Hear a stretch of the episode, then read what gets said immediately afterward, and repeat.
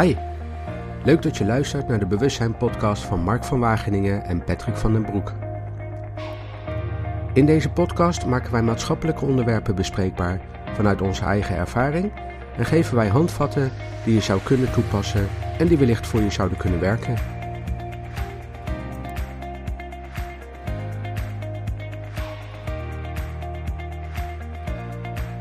Super benieuwd naar je format, want eh, dit keer ben jij wel meer een soort van uh, gastheer eigenlijk. Ja, En je, hebt, eh, je bent helemaal voorbereid, je laptop mee. nou, je hebt hier een mooie blik op tafel staan. ja, die andere was gewoon onwijs succes, wat we allebei eigenlijk niet zo hadden verwacht, maar wat we wel hadden gehoopt natuurlijk. Ja, nou ja, ik had niet per se... nee, ik had niet... volgens mij Nou zei ja, ik dat sterker toen- nog, ja, je vond gewoon de kwaliteit niet zo goed. Nou ja, ik vond de vorige keer de kwaliteit inderdaad niet zo goed. Specifiek van mijn microfoon. Hè. Dat had natuurlijk toen nog te maken met eh, wat gebrek aan kennis. Het was onze eerste De opstelling. instellingen, Ja, instellingen. En uiteindelijk reageerde iedereen superleuk, dus dank daarvoor. Ehm, maar goed, eh, dat was niet zozeer natuurlijk de reden voor mij om echt te zeggen van... eh, dat dat gewoon met name te maken dat, eh, de, de- dat je soms dan wel eens afvraagt van... ja, wie ben ik om hier Ja. dingen over te zeggen? En Hè, blijkbaar vinden mensen dat toch, toch wel heel interessant. Wat ja, jij daarover wel, te zeggen eh, hebt. ja, toch wel want leuk. Ja, om, ja. Jij hebt gewoon een eigen mening en Ja, je hebt een eigen gedachtegang. Alleen, eh, en, en nu komt de, de echte de re- reden waarom Mhm, ik eh, zoiets had van ik wil hier niet mee doorgaan. En dat was omdat ik ja, moeite had om in bepaalde onderwerpen te komen. Maar dat had ook te maken met hoe wij dat op dat moment in een bepaald format aan het gieten waren. Dat, het was te alsof we in een, een rol in een serie aan het spelen waren. Alleen ik had het script even niet gekregen. Nee. Maar ik moest wel mijn best acteren. Ja, dat Ja. Ik echt dacht van ja, maar Ja. ik, ik weet helemaal god niet waar het hier over gaat. Nee, nee, precies. Terwijl als wij iedere keer in, in, in een regulier gesprek zitten, ja, Ja. dan eh, heb Dan ik dat het gevoel niet. En dan loopt het gewoon. en, precies. maar op een of andere manier lukt het iedere keer maar niet. En tot nu toe loopt het gewoon supergoed. En nogmaals, eh, jij hebt wat dingen voorbereid. Nou, daarvoor straks aan jou het woord. Nee, Ja. dus ik ben... Nee, eh, dus, dus ik, dat heb ik ook tegen diverse mensen gezegd. Ja. Van, goh, en dat, dat was jouw idee eigenlijk. Want jij zei tegen mij van, nou, het zou een idee kunnen zijn. En wil jij, zou jij dat willen doen? Zou jij een blik willen, eh, eh, een blik of een pot of wat dan ook, eh, met allerlei onderwerpen daarin? Ja, want die staat hier nu in het midden van ons op tafel. Ja, want mensen kunnen natuurlijk niet meekijken. Nee. Maar er staat hier nu een Ja, mooi dus, eh, wit eh, blik. Een, eh, een, eh, een tinnen blik is het.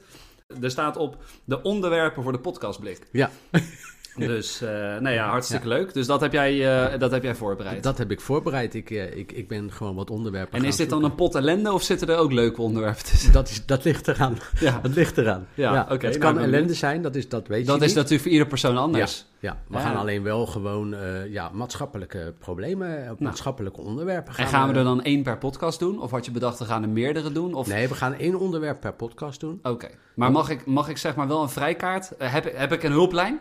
Nee. Dat op het moment dat ik er een Nee, uittrek, dat ik denk, deze ligt mij niet zo, Nee. dan gaan we alsnog gewoon proberen. Dan gaan we gewoon. Ja, dus Nou. het is alles of niks. Ja, nou ja, de, Ja. de druk wordt weer gelijk eh, op, het aller, eh, op het allerhoogste eh, Ja. gezet. Ja. En het, Nee, kan, en het zou zomaar kunnen zijn dat je, de- dat je er één pakt en dat je denkt: Ja. Nou, daar, had ik de- daar, daar heb ik helemaal niks mee. Ja, dat Nee. kan ook. En dan heb je. Nou ja, maar goed, dan ga ik wel alsnog mijn best Ja. doen om... Ja, ja. nou, nou, En dat is voor mij ook, hè? Want het, ja, het is gewoon.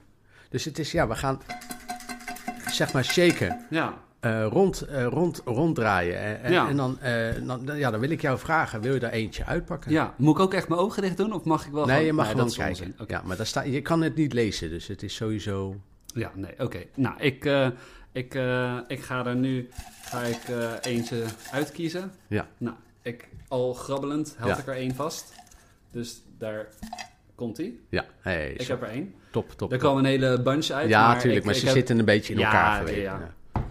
Nou, eh, wat ik ga doen, ik ga hem in eerste instantie zo voor jou open doen. Net als bij, eh, bij, dat, bij dat spel met Ja. Linda de Mol. Dan gaan ze eerst Oh, zeg ja. maar naar het publiek en dan kunnen die al een beetje lachen of het goed zit of niet. Oh ja, oké, leuk. Ja? Ja, Jij Ja. wordt er blij van? Ja, Word ik ik, er blij van, denk je? weet ik niet. Oh, nou, dan ga ik hem lezen. Oké. Ja. Deze, deze reactie had ik dus verwacht. Ja, Ja, dit, is een, eh, dit is een hele mond vol. Ik moet eh, dit soort zinnen negen keer lezen om Ja. enigszins te Nou, begrijpen je kan hem gewoon beginnen met lezen. Nee, maar goed, eh, ik ga natuurlijk altijd, hè, zo heb ik het ook vroeger geleerd op school. Klinkt heel kinderachtig, maar Ja. altijd in plakjes snijden. Hè? Dus wat ik lees is een, een gesprek over het menselijke gedrag. Hoe, wat ik daaruit opmaak, hoe mensen soms reageren op situaties. Hè? Hoe hun eigen belevingswereld en ervaringen ertoe leidt dat ze soms reageren op de manier zoals ze reageren. Eh, eh, nou, emoties, psychische aandoeningen, therapie, et cetera. Ja, dus, dus zou je hem gewoon even helemaal op willen lezen? Ja, oké. Nou, dus het onderwerp van deze podcast is psychologie en gedrag. Discussies over menselijk gedrag, emoties, psychische aandoeningen, therapieën, etc. Ja. Nou, dat lijkt me wel een heel interessant onderwerp. Ja, zeker. kan jij daar een, een, een, een, een, opening over geven? Want een, een, een discussies over menselijk gedrag. Kijk, we hebben natuurlijk allemaal eh, elke dag met eh, menselijk gedrag en emoties te maken. Eh, vooral op werk, persoonlijke situaties, Ja. familiaire Ja. situaties. Ja.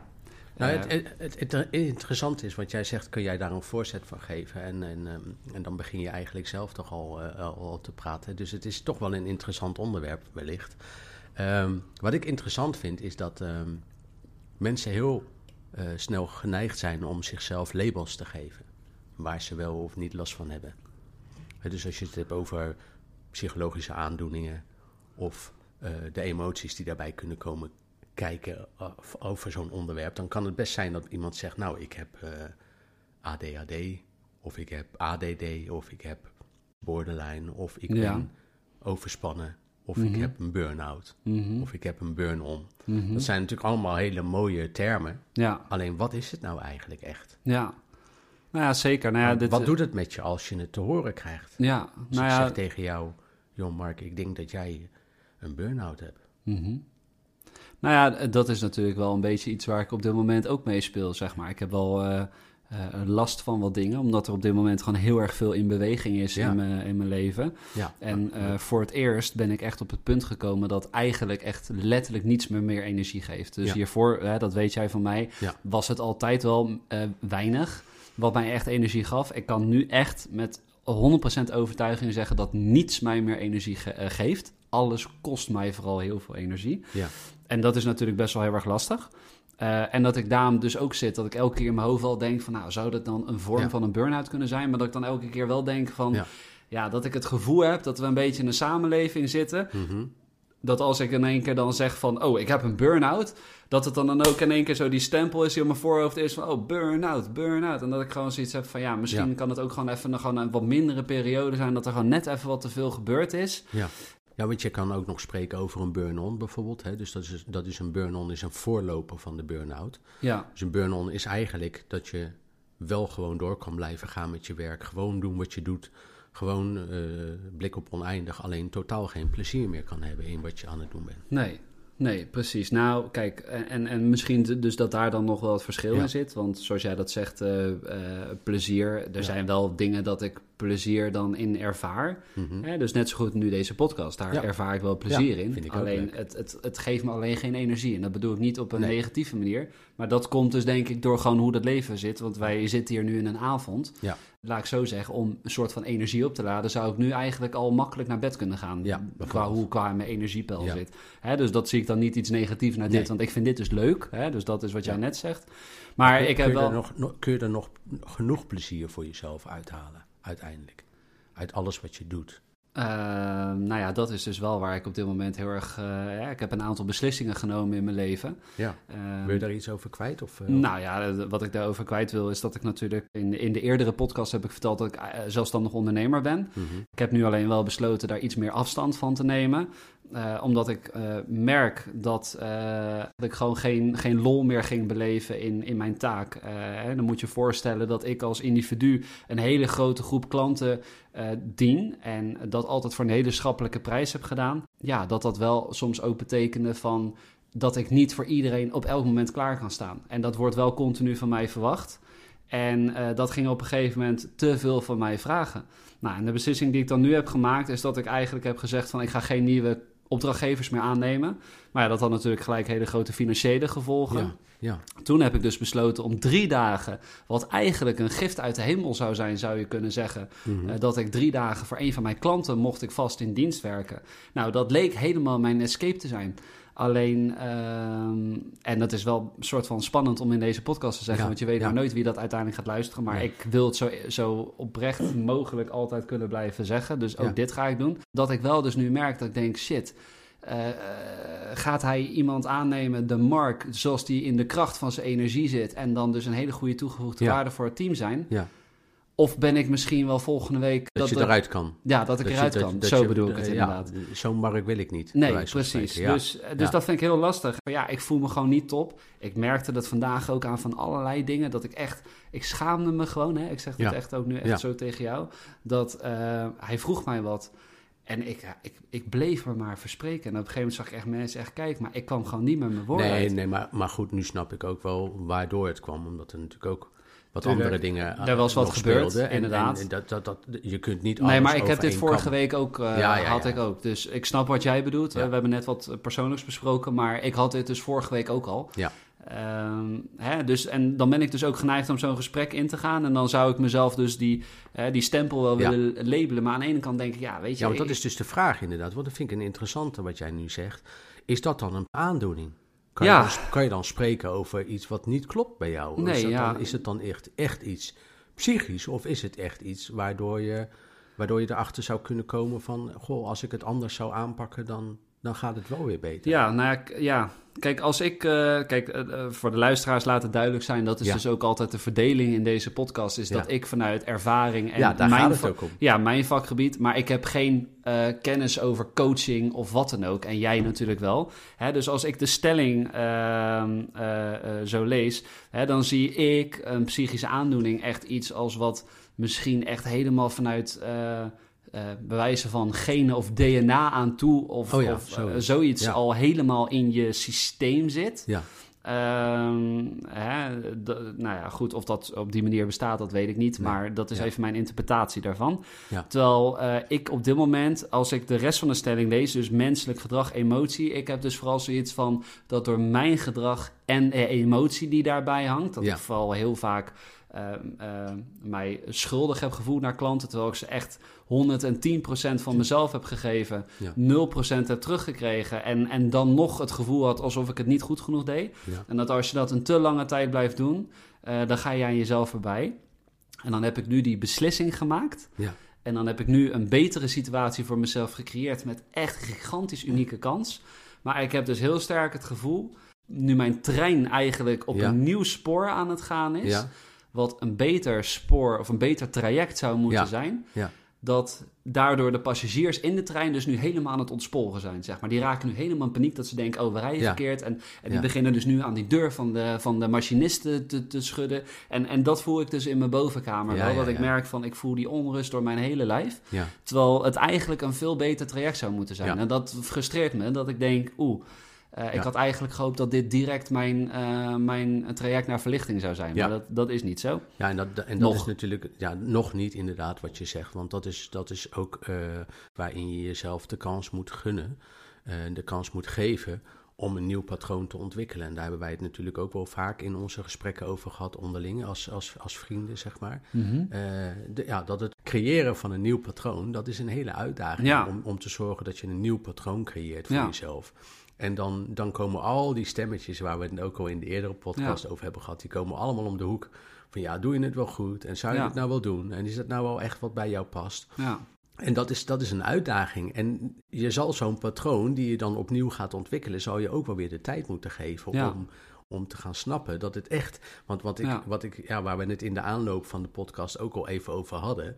Eh, het was wel heel grappig hoe, hoe we als mensen soms in ons brein daarin eh, veroordelend kunnen zijn. Want jij zei, nou, hè, eh, ik, ik, heb al behoorlijk, ik, ik ben het al zat dat 2023 zo langzaam. Ja. Want er is al zoveel op mijn Ja. pad gekomen. Ik heb echt nog het mag nooit... voor mij nu wel afgelopen Ja, zijn. ik heb nog jij. nooit gehad dat we in, nu in april zitten. Ja, precies. En ik heb nog echt, echt oprecht Soms hoor ik het altijd en denk ik, Ja. oh ja, dat is een Ja, beetje ja. aangedikt. Nee, ik heb oprecht Ja, op dit punt in mijn leven, nu april 2023, nog nooit in een jaar tijd zoveel meegemaakt nee. als tot nu toe. Gewoon. Nee. Dat ik echt dacht van, echt letterlijk elke week dat ik echt op een gegeven moment dacht van, come on, give me some Ja. slack. Gaan we nou, gaat er nou weer dit gebeuren? En nogmaals, dit gaan we niet bespreken in de podcast, maar Nee, zoals nee, nee. gisteren is Ja. er dan nog iets, Ja. iets heel relevants gebeurd, waardoor ik eh, nou, een heel denkt, groot... wat gebeurt er nu weer? Ja, en een heel groot deel van de nacht heb wakker gelegen. En, maar goed, zo over is mij natuurlijk een hele hoop eh, dit jaar wel overkomen. En eh, toch, en toch eh, en dat zei ik ook tegen jou, toch denk ik dat juist eh, het meemaken van die dingen ehm, een bepaalde soort van transformatie eh, kan teweegbrengen Ja. bij een persoon. Hè? Dus dat Ja. kan ervoor zorgen dat er hele andere dingen weer gaan stromen die er daarvoor misschien helemaal nooit waren. Ja, En, en dat is juist eigenlijk heel fijn als je dat toch wel meemaakt, omdat je, ja, nou, ik zet het in mijn e-mails altijd eigenlijk eronder als laatste zinnetje. In mijn e-mail staat altijd als je iets, als iets niet lukt, dan heb je niet gefaald, maar je hebt geleerd. ja, Dus een andere benadering. ja. Want je zou kunnen denken, oh, Dit staat nu in jouw handtekening. dat staat in mijn handtekening. Ja, nou, dan, ja, dat is dan wel inderdaad heel relevant ja precies. naar, naar afgelopen Ja. Maar goed, dus dat is dan even maar voor... heb je het dan echt over een, over een aandoening als jij dit nu mij zo aan het vertellen bent? Heb jij het gevoel dat je dat dan hebt? Nee, ik, nee. Nee. dus zoals net gezegd heb ik echt het eh, gevoel dat het bij mij eh, eh, een combinatie van gedrag met emotie is. Ja, precies. En, en op dit moment is die even dus niet in balans. Ja, waardoor dat voor mij gewoon niet altijd even goed voelt. Nee. En op dit moment heb ik dus een hele hoop beslissingen gemaakt. En probeer ik ze nog even met, de met, met een bepaalde eh, stabiliteit wil ik ze nog even door laten gaan. Ja. Maar eh, een hele hoop in mij die scheelt wel om een andere stap te zetten. Ja. Snel dingen terug te draaien. Snel dingen eh, terug naar, naar af te brengen. Of juist de beslissing extra veel kracht bij te zetten. Zoals dat speelt door in mijn hoofd. Dat ik echt denk, nou, dan stop ik er helemaal mee. Maar ja, op dit moment weet ik het gewoon even niet. En eh, vanuit eh, wat je natuurlijk ook wel eens hoort in andere situaties... Ja. dat op het moment dat je het gewoon niet meer weet... dat je dan vooral niet impulsieve beslissingen moet Precies, maken... heb ik dan even voor een soort standstill gekozen. Ja. Maar die standstill, dat is wel een positie waarin ik me dus onrustig voel. Dus nou, nogmaals, voor mijn gevoel is het echt een combinatie met gedrag en emotie. En eh, dat ik er vooral een hele hoop dingen bij voel. En dat ik daarnaar reageer. Maar persoonlijk, wat, wat ik echt zie als bij psychisch, is dat als dat echt altijd continu zo nu Ja. en dan weer aandoet, omdat er iets in mijn systeem is dat dat continu triggert. Ja. En En dat, Maar- dat vind ik wel interessant, eh, wat jij nu net zegt. Want wat ik bijvoorbeeld bij jou kan waarnemen, is dat, eh, dat jij dat gedrag kunt veranderen, waardoor er ook een andere emotie ontstaat. ja, nou ja, kijk. En, en dat is wat ik bij heel veel mensen eh, ook zie als ze, als ze dan bij mij in de praktijk komen. Dan komen ze voor de eerste keer en dan zeggen ze: Ja, Patrick, ik heb een burn-out. Maar ik als coach geloof nog steeds in de heelheid van ieder mens. ja. Dus ook al eh, heb je een andere manier van doen, een andere manier van denken, dat wil niet zeggen dat je daardoor gelijk een aandoening hebt of een psychische aandoening Nou ja, hebt. ja, dat triggert mij ook heel erg in wat jij zegt. Ik, kan, ja, eh, ik vind het heel knap. Laten we dat even vooropstellen. En, en, en, en oprecht dat er iemand dus kan zijn. Via jouw vakgebied, dat zou je, die opmerking zou je heel vaak horen. Maar dat ze dan dus echt bij jou binnenkomen kunnen zitten en dan echt zeggen: Ik heb een burn-out. Ja. ja maar ik zou dus altijd eh, zoiets hebben van: Nou ja, het gaat gewoon nu even niet zo lekker. Ja. Maar om dan Ja. in één keer zo keihard te zeggen Ja. dat ik een burn-out heb. Het is interessant om te zien dat mensen eh, het fijn vinden om een labeltje te krijgen. Om een label te krijgen zodat ze het kunnen verklaren wat ze hebben. En eigenlijk is dat een, de omgekeerde manier van denken. Want je, je zou geen label nodig hebben als je weet hoe je het anders kan aanpakken. Nou ja, en ik maak dit natuurlijk inderdaad ook wel mee in mijn familiaire situatie. Ik ga even niet eh, Nee. dingen, maar ik Nee. denk dat je begrijpt wat ik Ja, bedoel. ik En dat daar ook een bepaald eh, eh, ziekteconclusiebeeld aan is gegeven. En dat, dat daar een, Ja. een, een hele hoop geruststelling uit is. Maar ja, misschien ben ik dan Ja, juist de onderdeel- vraag is of dat echt geruststelling is. Nou ja, precies. En ik heb dus inderdaad, ik ben altijd meer van een, wat, misschien een wat kleinere groep dan. Dat op het moment dat ik een, een, een eh, ik ben natuurlijk ook een keer geopereerd Ja. geweest aan, aan, aan lichaamsdelen. En eh, toen was er ook altijd de conclusie van, nou ja, eh, klopt dat wel? Is dit ook echt het probleem? Ja. En noem het allemaal maar. En ik, ik had altijd dat ik dacht, ja, weet je, ik blijf altijd nog steeds openstaan van, is dit het nou? Of Ja. is dit nou niet? Altijd verder zoeken. Precies. En dat heb ik dus ook als iemand mij nu zou zeggen, oh nou, zoals ik jou nu zo hoor, dus dat is een burn-out. Dan zou ik zeggen, nou luister, een burn-out. Het kan soms gewoon ook even allemaal te druk zijn. En misschien moet ik gewoon even rust nemen. En Dat is dus het jammere, om even daarmee terug te komen. En dan wil ik even het onderwerp eh, naar jou eh, draaien. Ja, dat ik ja. zoiets heb van, nou, ik heb een hele hoop beslissingen gemaakt. Eh, en eh, eh, misschien is even wat voor mij nu op dit moment het jammere is, Ja. tussen haakjes. Want nogmaals, ik zie het wel, ik, ik zie het wel als de gift die het is. Ja. Maar het jammere is, is dat het iets te snel opvolgt. Ja. Dus idealiter had ik de extreem drukke periode kunnen afsluiten met de geruststelling dat er iets nieuws op het pad kwam. Mhm. Daartussen een maand van herstel in kunnen plannen. En dan ehm, Ja. Daarin. Maar ik ben natuurlijk direct van het een op het ander gegaan. Tegelijkertijd eh, op, op liefdesvlak speelde er in twee verschillende situaties heel veel in mijn leven. Ja. Eh, op familievlak, in gezinssamenstelling eh, noem ik dan even, is er nog altijd een hele hoop in beweging. Dus Ja. het, het is gewoon even te veel om dat allemaal te filteren. En dat zijn ook echt alle factoren die je zo'n beetje noemt, die een, een, een veroorzaker kunnen zijn van het feit dat je of in een burn-on of uiteindelijk in een burn-out terechtkomt. Ja, En, en, en dat zou wel uiteindelijk kunnen. Ja. Ik zie het bij jou nu niet. Dat is wat ik waarneem en Ja. wat, ik, wat ik eh, ervaar bij jou. ja, Eh, want als je echt een goede burn-out hebt, dan, dan lig je echt helemaal Precies. plat op, op Nee. bed. En dan kom je Ja. je bed niet meer uit. En Nee. het is gewoon helemaal klaar. precies. Want ik heb er nu inderdaad daarop doorbordurend. Als ik nu gewoon twee dagen eh, zou slapen, Dan ben je gewoon weer helemaal... dan zou ik alweer helemaal gewoon aanstaan, inderdaad. Ja, alleen door de, door de situaties, door de omstandigheden. En dat is Die wel kans doet zich niet voor. Je kunt dus een hele hoop, eh, en, en, en nogmaals, eh, daar willen we nu natuurlijk niet in generaliseren. Hè. Dus iedere situatie is op zich. Iedere situatie zal ook anders beoordeeld moeten worden en, en bekeken moeten worden. Maar je hebt dus ook echt heel veel zelf in de hand. Je hebt heel veel zelf in de hand om, om, om eh, je leven vorm te geven. Ja. En het, het kan niet op alles, hè, laten we dat Ja. even vooropstellen. Maar je hebt wel heel veel invloed. Nou, en dat is dus de leuke brug naar dat menselijke gedrag. En dat is dus met invloed, wat jij net zegt, en dat je zelf heel veel controle hebt. Dat is dus dat stukje menselijke gedrag en emotie, wat Ja. ik dus bedoel, maar ik kan dat dus niet goed eh, bewoorden zoals jij dat nu doet. Waardoor ik dus in deze situatie zit. Hè. Ik, ik voel altijd heel veel verplichting naar mensen, Ja. eh, om ze op de hoogte te houden, om iedereen te pleasen. Ja. Eh, en noem het allemaal maar. En tegelijkertijd ben ik dat dan nu aan het loslaten. Maar dan krijg ik vervolgens wel weer de reacties van dat mensen het vervelend vinden dat ze me niet horen. Daardoor ga ik me weer belaten voelen. Daardoor ga ik weer harder rennen om iedereen dan maar te zien. Mhm. Vervolgens, zoals ik net al gaf, geeft het mij op dit moment even geen energie. En dat heeft niks met die personen. Dat heeft alles met mij te maken. Ja. Maar dan gaan ze het ook nog eens dat op zichzelf betrekken. Zo van, Ja. huh, ik geef je geen energie, maar ik doe zo mijn best voor Ja. je.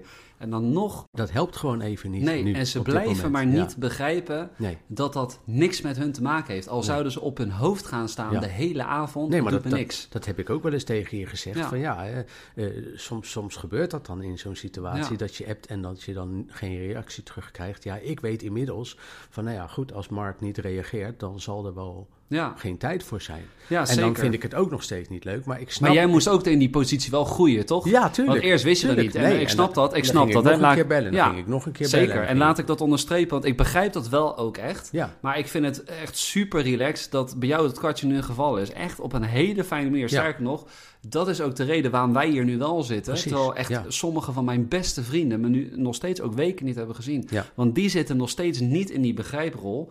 Die blijven maar toch al, Ja. al om dat ze denken dat zij het voor mij doen. Ja. Maar op het moment dat ik binnenkom, begint het slurpen van dat energie bij mij begint al. Ja. En ik zie zij als sponsen. Ik zie die spons alsmaar groter en vetter worden. En eh, voller bedoel ik, van, eh, van, eh, van het vocht wat het al heeft geabsorbeerd. Maar ik voel Nee. weinig terugkomen. En dat, Nee. heeft, eh, dat doen zij niet bewust. nee. Maar, maar goed, jij hebt dat aangegeven. En zo Ja. sprak ik bijvoorbeeld laatst ook mijn moeder. En dat ik echt dacht, oh wat fijn. Dat, ze, Ja. dat, dat, dat ik zei van ja, sorry dat je even zo weinig van zei ze, Ja. nee, nee, nee. Ze zegt, sorry mij juist. Niet dat je denkt dat ik geen belangstelling voor je heb. Ze zegt, ik weet juist dat Ja. jij nu even de rust nodig hebt. Dus ze zegt, ik heb jou totaal losgelaten. Ja. Dus het is niet zo van eh, dat, dat Nee, het haar precies. emotioneel niks doet. Nee. Maar zij heeft gewoon echt even gezegd van... joh, zij weet dat ze mijn situatie verergert... door zichzelf nu op te gaan dringen. Dat ik echt dacht, Ja. zo, Eh, mega eindelijk, relaxed. eindelijk nog iemand die het begrijpt. Ja, precies. Ja. En eh, tegelijkertijd, en, en dan, daarna ga ik even het onderwerp naar jou uh. Maar ik werd dus dit weekend gebeld door mijn beste vriendin. Nou, jij weet dan wie ik bedoel. Ehm, en, en, dat was best wel een heftig gesprek. Want zij belde mij op. Ze zei: Ja, maar Mark, als we dit nog drie weekenden zo gaan doen, ja, dan, dan, dan stopt het voor mij hier ook. Want uh, ja, zo, als ik niet op jou kan rekenen in het weekend, uh, als jij mij gaat negeren. Ik begrijp wel dat er mensen mij waarschijnlijk contacteren. Ja, ja. Maar ik kies er gewoon voor om daar dan pas vanaf maandag weer naar te kijken. Maar dat ik echt dacht: van ja, wat is dat ook weer een bepaald soort gedrag? Dat mensen dan echt zoiets hebben van Ja. dat zij vinden dat Ja. ik dat dan moet. Ja. En dat, dat zie ik ook als emotie. Hè? Ja, zeker, zeker. Dat heeft, dus dat en- is ook een emotie. En daar hebben wij ook natuurlijk wel al vaker gesprekken over gehad. Dat, eh, dat het toch ook wel belangrijk is om inderdaad eh, op je gevoel eh, af te gaan. En, en, en, en te kijken van ja, komt dat gevoel ook echt overeen met, met wat ik in mijn hoofd heb? Ja. En, en, en als je dan zeker, als je daar ook nog een, een voorkeur in hebt, eigenlijk in, in, in, in, in jouw zijn als persoon, hè, op je gevoel afgaan.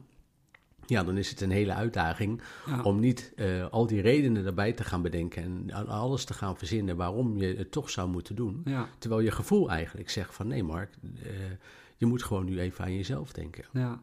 Eh, Als ik het zeg maar even totaal eh, in een andere hoek draai. Want eh, een van de punten in deze stelling is, is emoties. Ja, als ik aan jou vraag van joh, wat vind jij een hele fijne emotie? Want we, je, hebt, je kan er nogal wat, wat hebben die natuurlijk meespelen. Ja. Maar wat vind jij een hele fijne emotie? Of misschien wel anders gezegd, wat is een emotie die jij bijvoorbeeld vaak ervaart? Oh, Ja. en, ja. ja, ja, ik vind het interessant dat je die vraag stelt, want inderdaad vanuit mijn beroepsvisie eh, zijn daar verschillende eh, emoties waar je mee te maken kan hebben. Je hebt eh, positieve emoties, maar je kan natuurlijk ook te maken hebben met negatieve emoties. En de vraag is of ze dan echt negatief zijn, want ze zijn ook een raadgever. Maar een, een hele positieve emotie zou ik zeggen vreugde. Mhm. Als ik echt vreugde kan hebben, als ik echt verheugd kan zijn over iets, dan geeft me dat een goed gevoel. ja en, en ervaar je dat vaak? Ervaar je dat op dit moment in je leven ik, ook vaak? Ik, ik ervaar dat eigenlijk best wel vaak. ja. En, en wat, wat geeft jou op dit moment vreugde? Is dat iets wat continu vanuit jouzelf komt? Of doe jij gewoon toevallig iets heel vaak wat Nee, jou die vreugde geeft? Ik, ik, ik, doe, ik doe eigenlijk altijd wat me op, op, op de dag eh, op, op mijn pad komt. ja. Hè, dus, en dus dat ik- geeft jou dus altijd vreugde? ja, dus ik leef heel erg in het nu. Ja. Ik ben niet zozeer bezig met de toekomst. Ik ben niet zo heel erg zeer bezig, ook al ligt het wel om de loer, om met het verleden bezig te zijn. Maar ik ben eigenlijk het liefst gewoon heel erg in het nu. ja. En, Ah. eh, en als ik dan bijvoorbeeld vanmorgen weer een gesprek heb met iemand.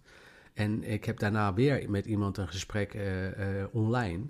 Ja, dan, dan kan ik daar echt heel veel plezier van hebben. Dan kan ik daar echt heel veel vreugde van hebben. Ja. Omdat ik gewoon zie waar mensen toe in staat zijn. Ja. En, en dat is ook het interessante van dit onderwerp. Dat we dat nu dus juist vanavond dus aan het bespreken zijn. Ja. Na, na wat ik heb meegemaakt op zo'n dag. Ja. Dan kan ik echt zeggen dat mensen tot zoveel meer in staat zijn Ja.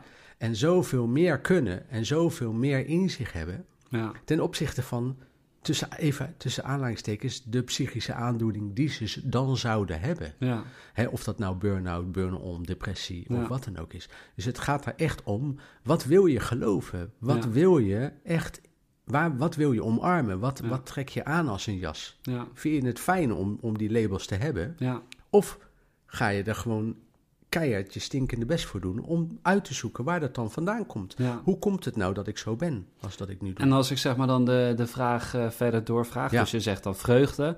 Eh, eh, hè, je hebt natuurlijk ook boosheid of Ja. frustratie, verdriet, noem het maar. Welke emotie ervaar je dan ook wel eens waarvan je zegt van nou die komt ook zo nu en dan en die vind ik echt het vervelendst? Ja, boosheid. Ja, boosheid. Dat is voor mij echt wel een, ja, een, pittige, een pittige emotie, om het zo maar te zeggen. Ja. En dat komt puur voort, en, en dan- nu, nu, nu ben ik ook even, even eh, kwetsbaar, dat, dat mogen de luisteraars ook best wel horen.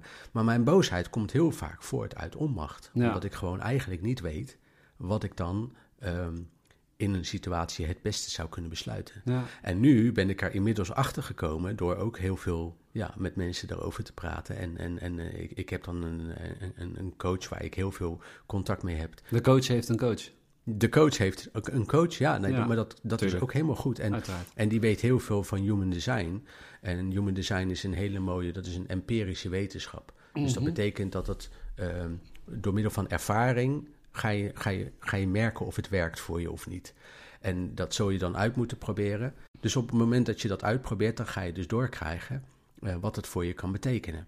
En die coach die vertelde mij dus van joh Patrick, als jij besluiten neemt in je leven, dan zou het eigenlijk heel verstandig zijn als je daar even een nachtje over slaapt. Ja. Dat deed ik vroeger nooit. Want ik dacht altijd, ik moet heel besluitvaardig zijn en heel oordeelvaardig zijn. Ik moet echt, uh, stand te P moet ik een besluit nemen, want dat, dat, dat, dat past bij mij. Dat deed ik ook altijd. Alleen dan dacht ik ook altijd achteraf van, goh, dat is toch eigenlijk wel snel besloten. En doordat ik dat nu niet meer doe, doordat ik nu, um, als, ik het, als ik weer in een situatie terechtkom waarbij, waarbij iemand iets van mij verwacht, of ik moet gelijk reageren, dan zeg ik heel vaak, ja, ik, ik denk daar even over na. Ja. Nou ja, wel goed. En dan ga ik er, daar dus over slapen. Ja. Dus eigenlijk zeg jij van, uh, ook door je, doordat jij zelf een coach hebt, ja. hè, ondanks dat je zelf een coach bent, ja. maar je hebt zelf dus ja. ook een coach. Ja. En die heeft jou gewoon uh, handvatten gegeven om daar uh, gewoon op een manier mee om te gaan wat Precies. werkt voor jou. Ja, wat ik er interessant aan vind, um, en dan ga ik daar straks nog wat verder op door. Jij gaf aan boosheid. Maar ik ga heel goed op. Nou, nee, oké, okay, ik moet het wel even op de juiste manier zeggen. Maar van alle slechte emoties ga Ja. ik het best op boosheid. Want Ja. op een of andere manier zet mij dat heel erg in beweging. Mhm. Uh, boosheid, dat zorgt er echt voor dat ik overga tot actie. Ja. En gek genoeg als ik die, want ik ervaar dat ook zeer zeker wel als een negatieve emotie. Maar op het moment dat ik echt boosheid ervaar. Nou, dan verander ik opeens in het, echt een hyper-efficiënt Ja. persoon gewoon. Dat Ja. gaat nergens over. Ik heb het ook op werk. Zodra ik Mhm. boos word, nou, dan, dan, dan ros ik echt overal doorheen. En op een of andere manier heb ik ook altijd zoiets, als ik achteraf kijk, Ja. dat ik altijd denk van, wow, dit waren ook echt gewoon de best mogelijke beslissingen die ik maar had kunnen nemen. Oh, uitzicht dat? Dan, word je dan boos op collega's? Of loop je te Nee, dat is, nee, dat Of is, loop je te gooien met Nee, ik word, ik word heel erg gehaast, kortaf eh, en, eh, en, en heel doelgericht. Ja. Vooral heel doelgericht. Maar is dat eh, dan echt, is dat echt boosheid dan? Heb jij het gevoel dat dat echt boosheid is? Nou ja, op dat moment wel. Want Ja, ja. Ik, ik, ik, ik heb dan wel het gevoel dat als er nog wat gebeurt, dat dan echt de bom echt barst, zeg ja, ja, maar. Eh, maar goed, gelukkig ben ik er altijd heel erg goed om erin om ervoor te zorgen dat de Je bom weet wat je moet doen inmiddels om, Ja, om ook weer die boosheid kwijt te raken. Precies, en dat heeft ook met mijn karakter te maken. Dat zelfs al ben ik, als, als ik echt zou zeggen, nou, nu ben ik echt op mijn boost. eh, nu ben ik echt zo partij boos. Dan zou een ander zeggen van, nou, sorry, dit is voor mij een lichte zagrijnigheid wat jij nu. Aan het bent. Ja. En dat is dan voor mij al dat ik echt, uh, Ja, dan zit tot tegen hier. je Ik heb ook nog nooit gevochten, want ik ben nog nooit op het punt gekomen dat ik echt boos genoeg was om echt te zeggen Nee. van, zo, nu, nu Nee. ga ik er echt, nu ga ik op timmeren, zeg maar. Dus, maar goed, dus daarom dat het misschien daarom voor mij ook anders werkt. Dus het kan heel goed zo zijn dat jouw vorm van boosheid echt is dat je zegt van, nou, ik kan gewoon niet meer uit mijn ogen kijken. En, Ja, want nee, ik zo ben, is het niet hoor. Maar, nee, ja, maar ik noem maar even een voorbeeld. Hè, dat ja. mensen dat echt... Of hè, je hebt ook de, de vechtersbazen die echt Mhm. als ze boos zijn... die gelijk... eh, Gelijk erop bovenop. eh, eh, ja, daar gelijk bovenop op gaan. Eh, en ja, bij mij is het anders. En Ja. eh, mijn eh, meest negatieve emotie... en daarna gaan we weer terug naar jou bijvoorbeeld... is echt verdriet. Bij, Ja. bij mij is verdriet, dan schakelt echt alles uit. Ja. Ik kan dan ook geen heldere beslissingen meer maken. Ik, ik, ik sta stil. Mhm. En eigenlijk wil ik gewoon net zo lang parkeren... totdat het verdriet automatisch ook weer weggaat. Ja. Maar dat gebeurt niet zo heel erg vaak. Nee. Nou, dat is interessant dat jij het over die, over die emoties hebt, want je hebt dus eigenlijk eh, vanuit de NLP, heb ik ook eh, eh, de, NLP Practitioner en de NLP Master opleiding gedaan. Mhm. En daarin hebben we ook geleerd om te werken met timeline therapie. Ja, Je gaat er bij timeline therapie van uit dat je hebt een tijdlijn met een verleden, een heden en een toekomst. En dat is eigenlijk een denkbeeldige lijn waarover je kunt bewegen met je ogen dicht. Kun je over die lijn heen bewegen. Mhm. En uh, waar timeline therapy op gebaseerd is, is dat het gaat erom dat we eigenlijk vijf negatieve emoties hebben uh, die, die echt uh, extreem kunnen zijn voor onszelf. Dus dat is boosheid, verdriet, angst, gekwetstheid en schuld. En die vijf emoties, die kunnen zich koppelen aan herinneringen uit het verleden. Mhm. Dus op het moment dat jij iets hebt meegemaakt, en dat begint al heel vroeg, dat kan uh, als, als baby zijnde, als jij in je bedje lag en je niet snel genoeg je melk kreeg, of je ouders kwamen niet snel genoeg als je begon met huilen, wat was dat dan? Wel, jo, was dat dan boosheid of was dat verdriet? Of nou. En, en uh, die emoties die koppelen zich dan aan een herinnering. Dus je moet je voorstellen, als baby heb jij dat gevoel gehad dat je alleen gelaten werd, dat maakte je verdrietig. En vervolgens heb je die emotie, die draag je eigenlijk in alle volgende situaties in je leven, draag je die met je mee. Ja. Uh, alle herinneringen die daarna komen, die maar enigszins lijken op wat je toen hebt meegemaakt, ja. daar komt die emotie weer bij maar, kijken. En hoe, hoe helpt dan die timeline therapy, hoe helpt dat dan jou? Nou, niet alleen mij, hè. Eigenlijk eh, helpt het iedereen die daarin... Nee, maar dus dat zeg ik. Dus Ja. wie het ook doet. Ja, Eh, dus- dus door dus die het- tijdlijn voor je ja. te zien. Hoe helpt dat jou? Het, het helpt eigenlijk door middel van een script die ik daarbij gebruik, die ik voorlees, de vragen die ik stel, Mhm. de, de posities die ik vraag om, om in te nemen bij jou, Mhm. eh, die zorgen ervoor dat jij die emotie kan loslaten. Ja, Dus die zit niet meer gekoppeld aan die herinnering. ja, Dus doordat hij niet meer gekoppeld zit aan die herinnering en ik jou ga vragen om hem in iedere volgende herinnering ook los te laten. En het is het onbewustzijn wat het gaat doen. Hè, dus het onbewustzijn weet wanneer die situaties zich hebben Ja. voorgedaan. Het heeft geen zin om er een te gaan bedenken, ja, want dat, dan, dan zit je dus alweer in je hoofd. Maar eigenlijk vanuit je onbewustzijn, die weet welke herinneringen dat waren, die weet welke emotie daaraan vast zat. En die weet, die weet dus eigenlijk van, die kan ik dan weer daarvan loskoppelen. ja, En dan kom je weer terug in het nu en dan ben je dus eigenlijk die emoties uit het verleden ben je kwijt. ja, Dat doen we eigenlijk met mensen die overmatig reageren. hè. Dus jij hebt het er net over van, nou, ik kan wel boos worden, maar eigenlijk uit het mij, mij in concentratie. Mhm. Toch? Want je, bent, je wordt een soort hyper. Even, snel maar. samengevat Ja. kan je zeggen, het- bij mij uit het Ja. zich in een, in, een, eh, in een vorm van eh, Precies. hyperconcentratie. Ja. Maar zou het, nou, zou het nou aanblijven en zou je het nou ook nog meenemen in de auto en zou je daardoor precies. ook nog heel agressief gaan Oh, nou, maar dat is wel En interessant. zou je ook nog Ja, maar dit gebeurt wel, moet ik ook zeggen. Kijk, het, Oh. het zorgt er wel voor... eh, Ik raak voor, toch wel even wat aan nu. Ja, nee, nee, want kijk, het zorgt wel voor, eh voor hyperefficiëntie. En ik zal nooit bijvoorbeeld agressief worden of wat dan ook.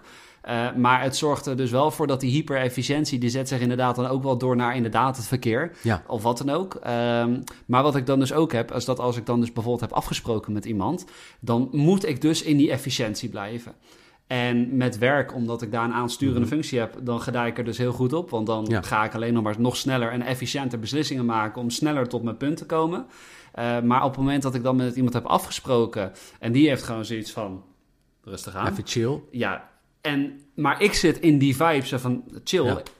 Ik wil echt even door nu, want eh, er spelen een hele hoop dingen in mijn leven. En eh, dat ik bijvoorbeeld boos ben omdat ik vanavond ergens naartoe moet. Maar Ja. ik heb nog 30 taken in de tussentijd. Dat ik denk, dit slaat nergens op. Even meters maken. Als je me dan gaat remmen op dat moment, ja. dan kan ik wel heel erg. Dan kan ik ook niet dat ik dan dus nogmaals ook eh, Ja. agressief word. Maar dan kan het wel zo zijn dat ik een vluchtreactie ga krijgen. Dat ik dan denk, oké, nou, ik heb Nee, jou dus- nu geprobeerd. Ik ga nu weg. Eh, en dat dan dan denk van zo, deze man die gaat helemaal overstuur weg. Maar op dat moment zegt mijn brein, oké, binnen wat ik nu ervaar, Ja. is, gaat deze persoon meer een probleem als de oplossing zijn. Ja.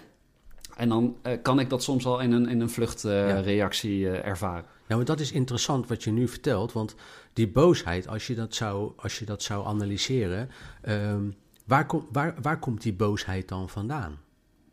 Ja, nou ja, eh, eh, als jij dat zou weten. ik denk dat die boosheid eh, op dit moment natuurlijk in mijn leven, zoals ik de podcast begon, Mhm. er vooral mee te maken heeft dat, ik- dat ik gewoon heel weinig tijd heb en dat ik daarin mezelf heel erg voorbij Ja. loop. Zou, het, dan- zou het dan kunnen zijn dat het voor jou een soort van onmacht is? het is zeker Omdat onmacht. je gewoon niet weet, hoe moet ik dat allemaal tegelijk kunnen doen? Terwijl dat natuurlijk eigenlijk Ja, helemaal nee, niet kan. zeker. Nee, Eh, want, want, want je kunt maar één ding tegelijk nee het, doen. is, het is onmacht en frustratie. Ja. Omdat eh, iedere keer dan denk ik van nou, ik, ik neem nog met alle plezier en liefde neem ik nog deze taak voor jou erbij op. Omdat jij graag wilt dat ik die taak doe. Niet jij als persoon nu tegenover Mhm. mij, maar de persoon die het op dat moment aan mij legt. Maar eh, eh, da- da- da- dat was dus het punt wat ik dus had, dat dat dus continu Ja, gebeurde. ja, continu. Ja. Iedereen sloot achteraan eh, continu aan die rij aan. En ik kwam maar niet op het moment om echt tot die rust te komen. En dan, Ja. dan blijf ik continu in mijn efficiëntie... En die efficiëntie wordt bozer, bozer, ja. bozer. Resulteerde er zelfs in dat toen ik dus op een gegeven moment met mijn ouders s'avonds thuis zat... dat ik dus zo hyper geëfficiënt stroomlijnd was. Snel eten, snel praten, eh, korte bewoordingen, want alles moest efficiënt. En dan vroeg zij door van, joh, vertel daar eens wat meer over. Dat zo'n lieve vraag vanuit je ouders, van, joh, maar vertel eens wat meer, want wij willen dat graag weten. Dat, dat, dat triggerde mij wel even op dat moment, dat, Dat- ik echt ja. totale kortsluiting kreeg. Ja. Dat ik echt gewoon mijn bord liet staan en boem, in één keer weg was ik. Want ik echt dacht van, nou nee, sorry, dit past gewoon even niet in mijn... eh, Nee. En dat, dat triggert natuurlijk bij hun heel veel verdriet. Maar eh, op dat moment heeft dat nog steeds alles met mij te maken. Niks met hun. En ik vind het alleen maar heel lief dat ze dat vragen. Maar En hoe heb je daar nu voor jezelf dan, eh want die vind ik ook wel interessant, hoe heb je daar nu voor jezelf verandering in aangebracht? Eh, nou, niet nog eerlijk gezegd. Kijk, Oh. dit is wel natuurlijk iets wat gewoon op dit moment heel erg nog speelt. En uh, het enige, uh, uh, nou nogmaals, ik heb dan dus een, een aantal beslissingen ja. natuurlijk genomen. Hè. Dat heb ik, ik ben vrij onlangs een week op vakantie geweest. Mm -hmm. hè, en nu zullen mensen al denken van, huh, je zegt net dat je continu aanstaat. Maar ook daar, ja. door diverse redenen, heb ik voor mijn gevoel continu aangestaan. Ja. Maar dat ook door mezelf gewoon hoor. Dat is ook mm -hmm. hoe ik gewoon als persoon ben. Maar er waren ook nog wat extra variabelen waardoor ik continu aanstond. Precies. Hè, ook werk vanuit Nederland, wat ik daar natuurlijk continu maar binnen bleef krijgen. Maar kijk, dat is het interessante. Je wordt toch eigenlijk altijd wel op een of andere manier word je weer getriggerd. Getriggerd als in? Als in uh, dat je toch weer die dingen op je pad krijgt. Ja. Nou dus, ja. dus die, je kunt denken van, oh, nou ja ik, ik, ik, ik, doe er van alles aan om te proberen om het om te gooien, om een andere beslissing te nemen, om een andere keuze te nemen. Ja. En toch komen die dingen toch weer steeds nou, maar op je pad. Dat, dat, daarom is de stelling leuk, omdat dat dus met mijn menselijke gedrag te maken heeft. Ja, precies. Uh, dus ik, ik, ik, ik ben nu wel, en emotie, want ik ben ja. dus nu, nu allemaal wel beslissingen aan het maken, maar het gedrag wat ik daar rondomheen doe, dat, dat brengt mij nog steeds. Ja. Uh, hè, dus wat ik bijvoorbeeld als gedrag heb, is dat ik ben de, de pleaser. Ja. Ik ben de pleaser en vanuit spiritualiteit ben ik zelfs de healer, heb ik een keer van iemand Ja. horen gekregen. Ja. Dus, uh, maar tegelijkertijd kost mij dat wel altijd heel veel energie. Dus Ja. ik ben nu uit de positie gestapt dat ik die helende rol even zo gezegd, of die, nou ja, uh, uit, uit mijn bedrijf heb gedaan. Alleen vervolgens stap ik in een, een nieuw bedrijf binnen. En nu ben ik exact hetzelfde aan het doen. Dus Ja. al die energie die ik verloor in mijn eigen bedrijf, verlies ik daar dan, nu nog steeds net zo hard. Ja. Uh, en nou, dat, dat is natuurlijk wel jammer. Dat Ja. had ik wel anders gehoopt. En uh, dat ik dus nu echt op het punt kom dat ik gewoon niet eens meer weet of ik echt nog kan werken. Even op dit moment gewoon. Zo heftig ervaar ik het wel. Maar niet dat ik een burn-out heb, want ik zou prima kunnen werken. Eh, ik heb het wel eens met iemand eh, over gehad om diegene te helpen, bijvoorbeeld met een, eh, met een schoonmaakklus bijvoorbeeld. Maar dat ik, eh, dat ik gewoon echt, eh, dat zou ik gewoon prima kunnen doen.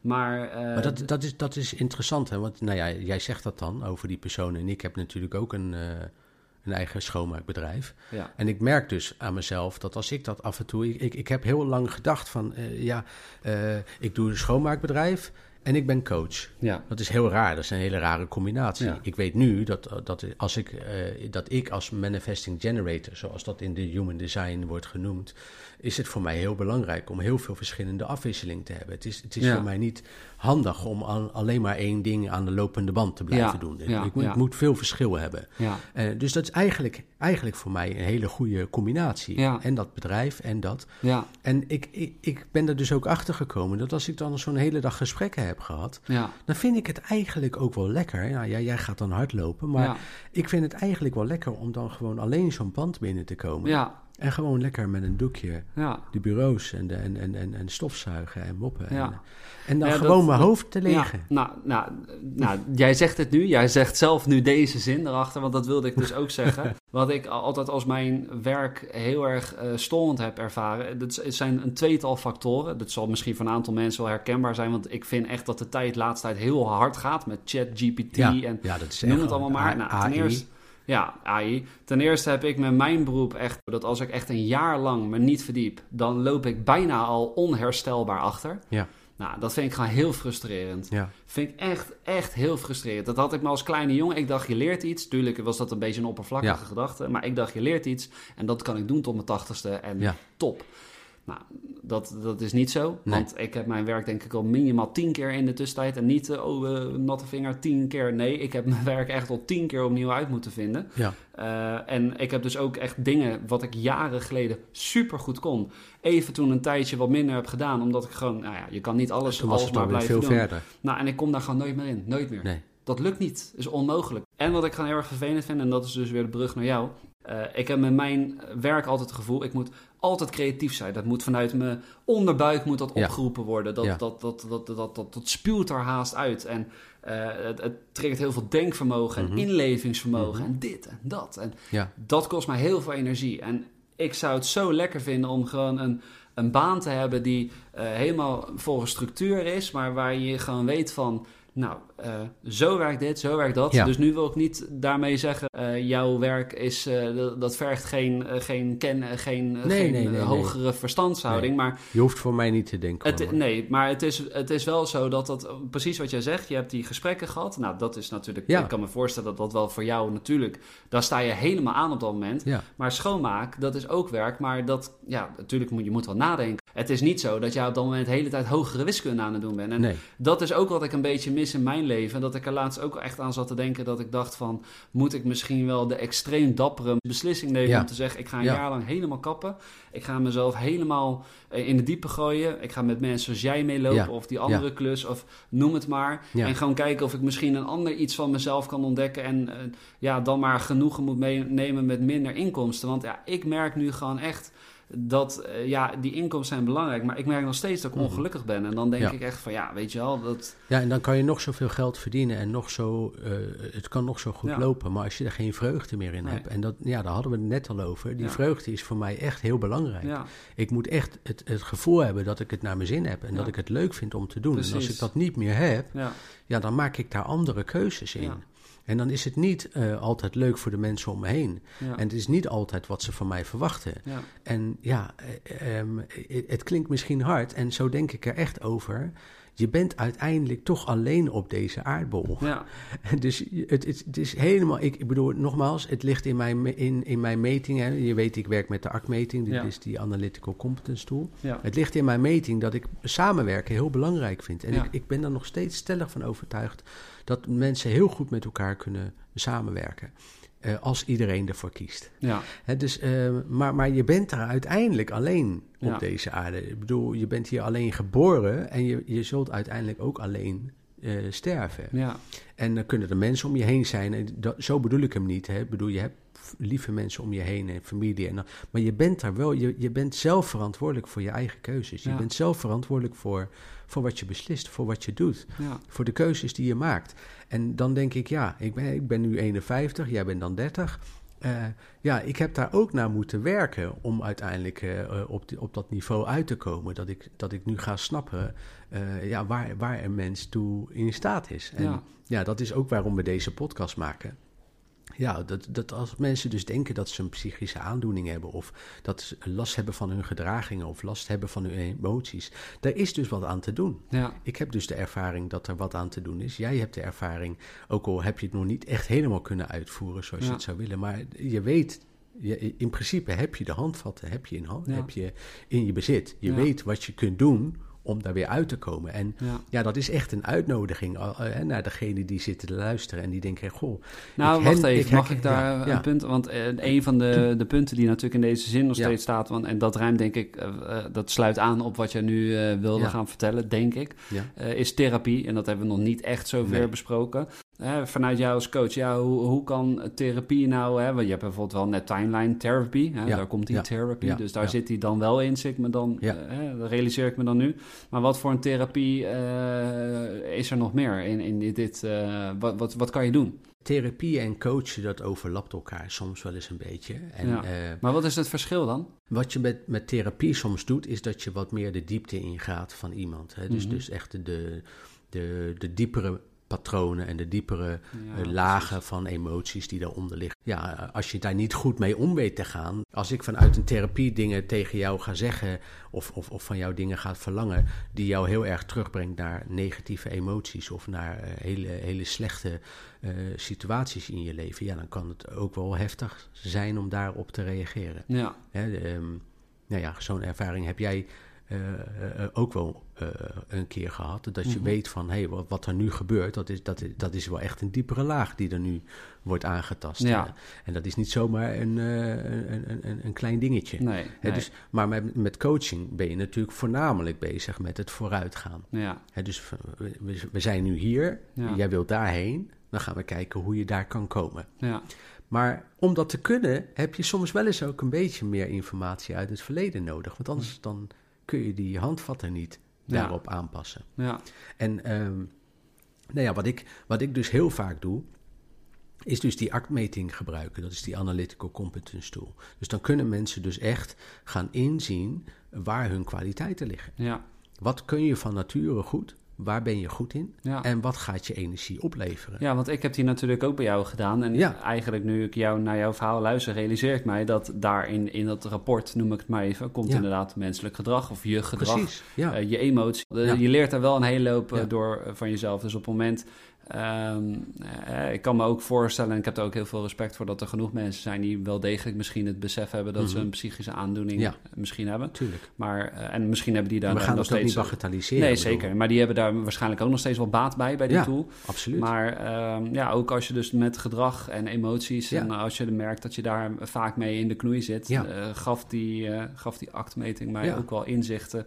waardoor dat, dat kwam en wat tegenpolen zijn... ja, en wat, wat tegenpolen ook in mijn gedrag zijn... die dus continu een bepaald soort emotie ook Ja. veroorzaken. Eh, en door gedrag, eh, wat dus die emotie eh, triggerde. Mhm. Dus dat is ook zeker een aanrader voor mensen om... om Het gaat ook om die patronen, hè? dus dat is interessant. Daar hadden we het eerder in de podcast ook al over. Iedereen heeft patronen waarom die doet wat hij doet. Of hoe die doet wat hij doet, eigenlijk zou je kunnen zeggen. maar als iemand echt een, een, een psychische aandoening heeft... Ja, Ben je dan nog steeds op het juiste adres bij een coach? Of moet je dan ook echt meer bij een psycholoog gaan? Of eh, ho- hoeft dat niet per se? nou ja, wat belangrijk is, is dat, dat het wel eerst, eh, dat je wel zeker moet weten dat het een psychische aandoening is. Ja, precies. Dus dat is die stempel waar je het over had. Ja, dat als dus, dat- die dus stempel vind is. je het fijn om dat label Ja. te hebben? Of eh, het kan ga net goed iets anders zijn, ja, waardoor jij als coach wel dat kan als je misschien met een paar kleine Ja. veranderingen Ja. al heel veel anders in je leven gaat staan. Precies, en waardoor misschien dat hele idee van ik heb een psychologische aandoening al binnen Nou een jaar al eh, precies. teniet gedaan kan zijn. Omdat, Precies omdat, wat ik zei ook met die burn-out. Van ja, ik kom binnen, of iemand komt binnen die zegt: Ik heb een burn-out. Ja, hoe, hoe weet je dat? Maar is dan een burn-out, kan je dat, een, is dat wel, eh, valt dat onder noemer echt een psychologische aandoening, dat wel? Nee, maar, maar ehm, nou ja, mensen zouden kunnen denken dat het het is. Ja, ja precies. Dat, ja, dat, Als, je, dat- als jij jezelf het verhaal. Wil- wat er natuurlijk kan Ja. zijn is dat als Ja. je alle twee, je hebt twee personen, die Ja. werken alle twee even hard, Ja, eh, doen alle twee evenveel Mhm. eh, en noem het maar. Alleen één krijgt een burn-out, de ander niet. Dan kan het wel voor degene zijn, dat heb ik namelijk ervaren. ja, Eh, in, en toen zat ik zelf in die positie, dat, dat de ander dus wel een burn-out kreeg. Dat Mhm. ik dan toen dacht van, oh, dan zou jij wel iets psychologisch hebben, Ja. waardoor jij hier al veel Precies. sneller op vastloopt als ik. daarom is het, in, in, het onderwerp zo interessant. Ja, Want wanneer is het nou echt een psychische aandoening? ja, En wanneer is het gewoon een, een, een, een stukje karakter, Ja. een stukje achtergrond, een stukje verandering daarvan? ja, Want kijk, als jij namelijk, dat was dus ook een onderdeel van die meting. Je gaat daarin ook bijvoorbeeld zien wat je vanuit prestatiekracht doet.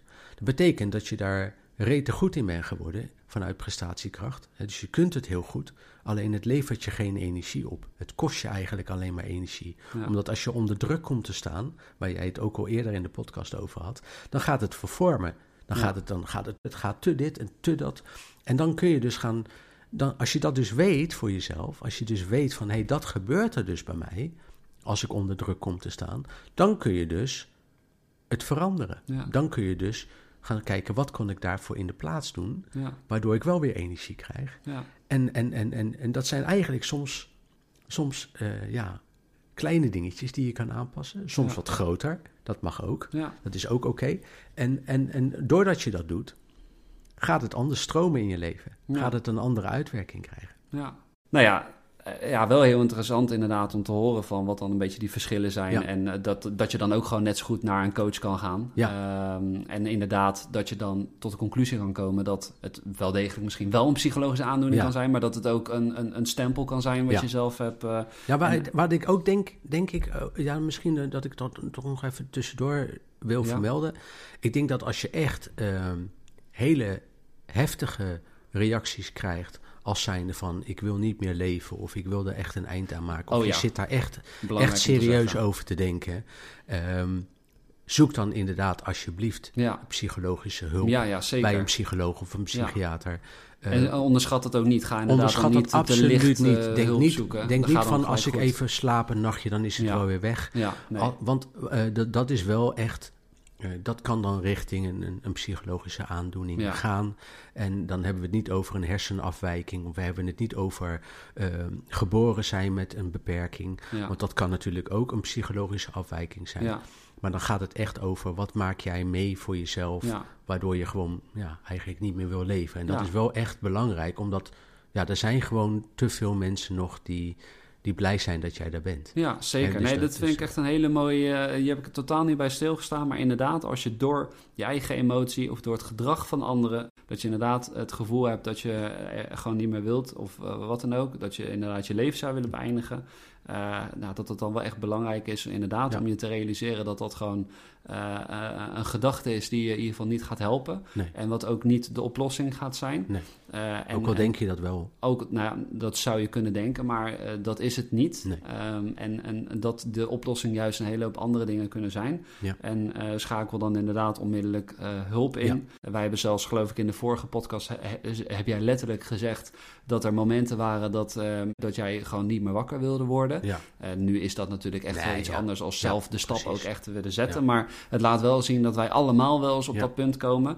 Alleen eh, hoe En trouwens, toen heeft professionele hulp mij ook geholpen. Zeker, Want ik heb dat toen expres ook gedaan. ja. En dat heeft mij heel veel handvatten gegeven. Ja, precies. En uiteindelijk eh, ja, ben ik daar sterker uitgekomen. Ja. Dus, dus je hoeft je daar ook niet voor te schamen. Het is, het is niet iets wat, wat vreemd is. Nee, nee, zeker niet. En het is heel belangrijk om daar naar te handelen. Ja.